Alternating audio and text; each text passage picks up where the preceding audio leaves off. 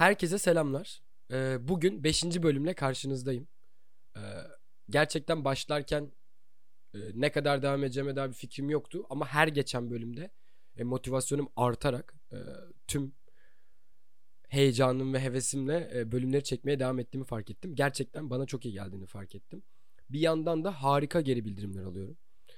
E, bunlardan bir tanesinin örneğini vermek istiyorum size bugün. E, bugün çok tatlı bir telefon görüşmesi gerçekleştirdim. Bu kaydı almadan birkaç saat önce. Ee, bu yüzden bunu da eklemek istedim e, bu kaydıma. Ee, zaten Kanada'ya dair isteği olan bir arkadaşım var. Adı Deniz. Ee, ara ara konuşuyorduk da bu konularla ilgili. İşte podcastimle ilgili e, ilk bölümü birkaç kez dinlediğini söyleyip özellikle ilk bölümü birkaç kez dinlediğini söyleyip ders seçimlerini değiştirdiğini söyledi. Ben böyle anlam veremedim. Yani hani podcast'imi dinledikten sonra nasıl bir e, bağlantı kurduğunda ders seçimlerini değiştirdin falan gibi sorduğumda bana dedi ki e, abi benim okulumu bitirmem bir buçuk sene vardı ama e, senin bölümlerini dinlediğimde kendi deneyimlerimi sorgulamaya başladım ve zaten istediğim bir şey için neden elimi taşın altına koymayayım ki dedim ve hocaları işte bir şekilde ikna edip et drop haftasında ekstra kredi aldım ve son bir buçuk seneyi bir seneye sığdırdım. Çünkü bir an önce okulu bitirip o diğer aşamaya geçmek istiyorum dedi bana. Böyle telefonda dondum arkadaşlar. Yani sessiz sessiz gülümsedim. Çünkü yani minicik bir hikayenin böyle Toronto'da e, kendine dair ufak ufak kayıtlar alan bir adamın işte etkisinin o tarafa kadar gideceğinin farkına varmamıştım. Ama bunun farkına varmak o kadar güzel, o kadar harika hissettirdi ki beni. E, böyle bu bölümü çok daha fazla e, iyi bir motivasyon, daha büyük, daha yüksek bir heyecanla gerçekleştiriyorum. Yani gerçekten muhteşem hissettim.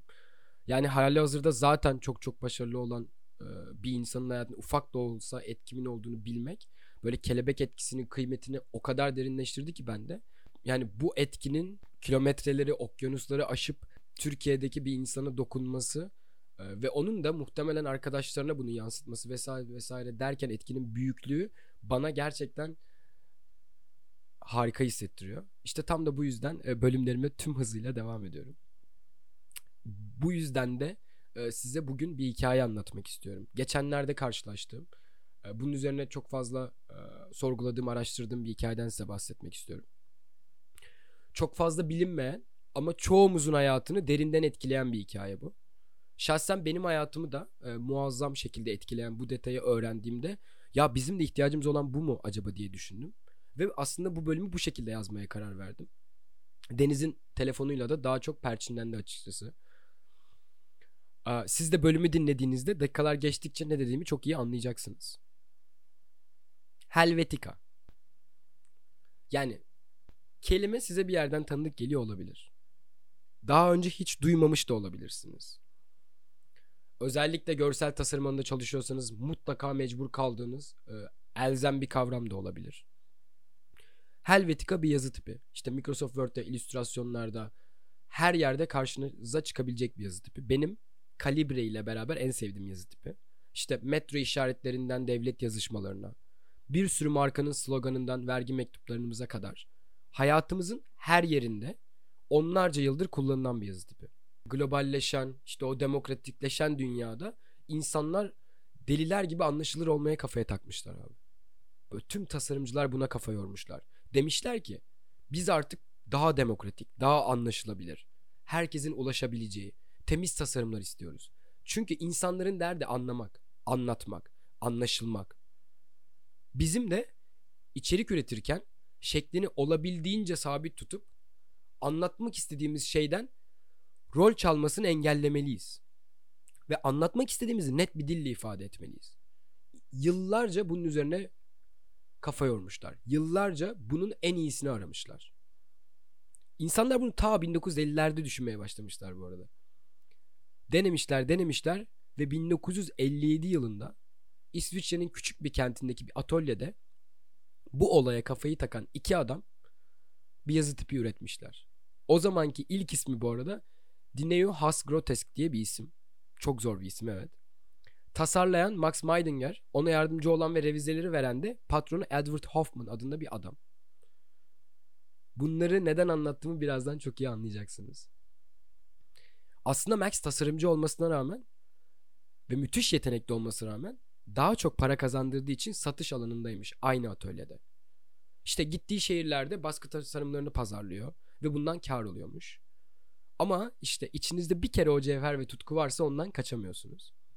Hoffman da yani Max'in patronu sektörün insanların ne istediğini çok iyi bilen bir patron olarak Max'e demiş ki abi biz bunu yapacağız. Biz bu hayali gerçekleştirebileceğiz. Ama benim bunu gerçekleştirebilmem için sana ihtiyacım var. Ancak sen olursan biz bunu üretebiliriz demiş. İşte o zamanlarda 1957 yılında üretilen o yazı tipi tam 70 yıldır hayatımızda. Dünyanın her yerine yayılan bu yazı tipinin ismine de bakmışlar. İş çok büyüyor. Biz böyle korkutucu bir isimle dünyaya açılamayız. Güzel bir isim bulalım. İşte o dedikleri yerde de yeni isim ortaya çıkmış. Aslında ortaya ilk Helvetia adı atılmış. Helvetia da bu arada arkadaşlar Latince'de İsviçreli anlamına geliyor. Ama bakmışlar ülkelerin adını direkt vermek ayıp olur ve iyi hissettirmeyebilir müşterilere. Araya C koyalım da Helvetica yapalım demişler. Bu kadar basit. Ve yazı tipi 75 yıl sonra hala hayatımızın her alanında devam ediyor. Hatta o kadar güçlü bir yer edinmiş ki kendine. İşte bu 50'lerden itibaren başlayan modernizmin aşırı kuralcı, temiz, net ve anlaşılabilir olmasına uyuz olan postmodernistler Helvetika düşmanı olarak onlarca, yüzlerce yazı tipi üretmeye çalışmışlar. Hatta Stephen Sagmeister adında bir adam var. Ee, modernizmin çok sıkıcı olduğunu düşündüğü için Helvetika olan bir yerde sloganı okumadığını, işte çünkü ona sadece anlaşılabilirliği anlattığını ama onun tasarımdan anladığını böyle sıkıcı olmadığını falan söylüyor. Yeni bir yazı tipi üretip bunu kendi vücuduna kazıyan bir adam. Ve Helvetika'nın Stephen gibi onlarca düşmanı ortaya çıkıyor.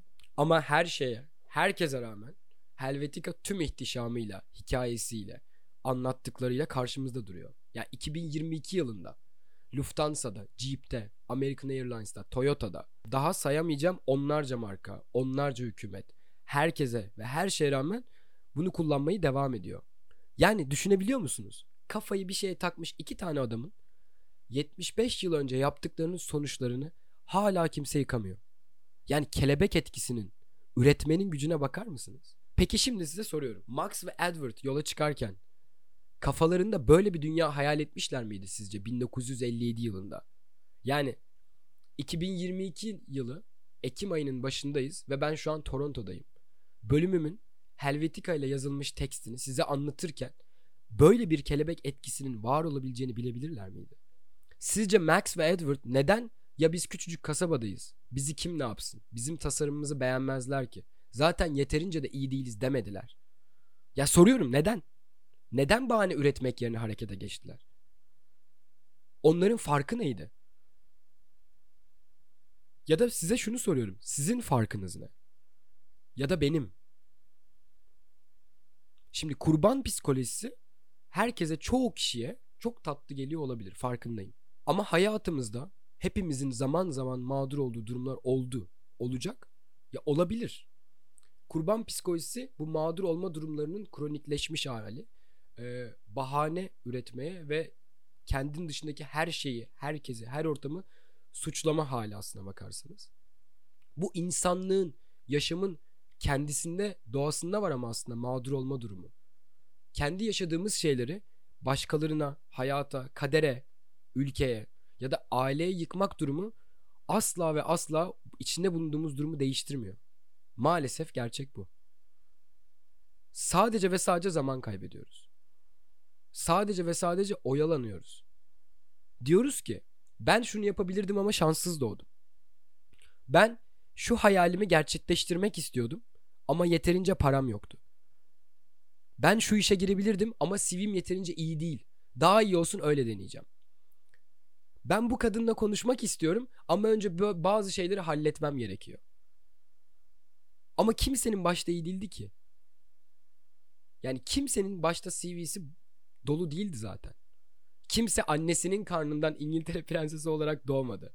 Ya kimse 3 yaşında IELTS'ten 8 alıp e, İngilizce sınavlarını vermedi zaten.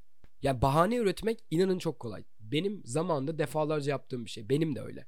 Herkes gibi. kaçmak, yüzleşmeyi tercih etmeme tercihi bazı korkularımızı da bastırıyor olabilir. Ama bizim Max ve Edward'dan ne farkımız var? Yani onların durumları bizden daha mı iyiydi? Bir şeyi denemeden kazanacağımızı bilemiyoruz. Emin değiliz.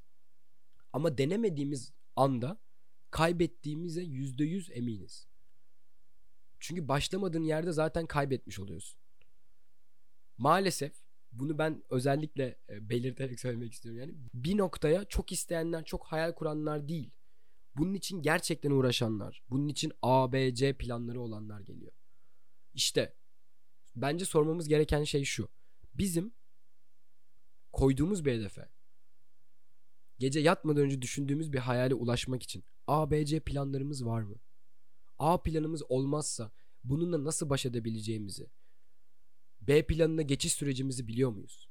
Yani kendimize dair gerçeklerin farkına vardığımızda işte ancak o zaman gelişmeye başlıyoruz. Öz eleştiri yaptığımızda, kendi durumumuzu, bulunduğumuz pozisyonu çözdüğümüzde işte o zaman bir şeyleri değiştirme gücümüz oluyor. Yani belki ihtiyacımız olan şey içinde bulunduğumuz durumun iyi ya da kötü farkında olmaktır. Bu kadar basit. Kendimizden ve gerçekten ne istediğimizden başladığımızda yeni bir kelebek etkisi başlatırız belki. Kim bilebilir ki? Özellikle Deniz'in telefonu. İşte sonrasında e, özellikle incelediğim Helvetica. Bunun bu arada LinkedIn'de, e, Vimeo'da belgeselleri var. İsteyene de atabilirim bu Helvetica ile ilgili. Arka planında muhteşem e, tasarımsal savaşlar, inanılmaz hayatlar dönüyor. Yani aslına bakarsanız çok küçük şeylerin bile inanılmaz hikayesi olduğu bir dünya üzerinde yaşıyoruz.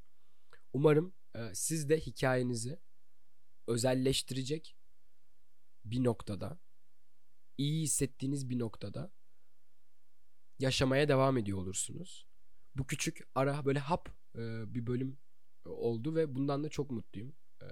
E, böyle her sorgulamamı, bulduğum her şeyi, keşfettiğim e, her olayı anlatmak istiyorum burada. Bu da o bölümlerden bir tanesi. Abi beni dinlediğiniz için çok teşekkür ederim. Bu konuyla ilgili bana soru sormak isteyen, bu konuyla ilgili tartışmak isteyen varsa bana her yerden ulaşabilir zaten. Kendinize çok iyi bakın. 6. bölümde görüşürüz.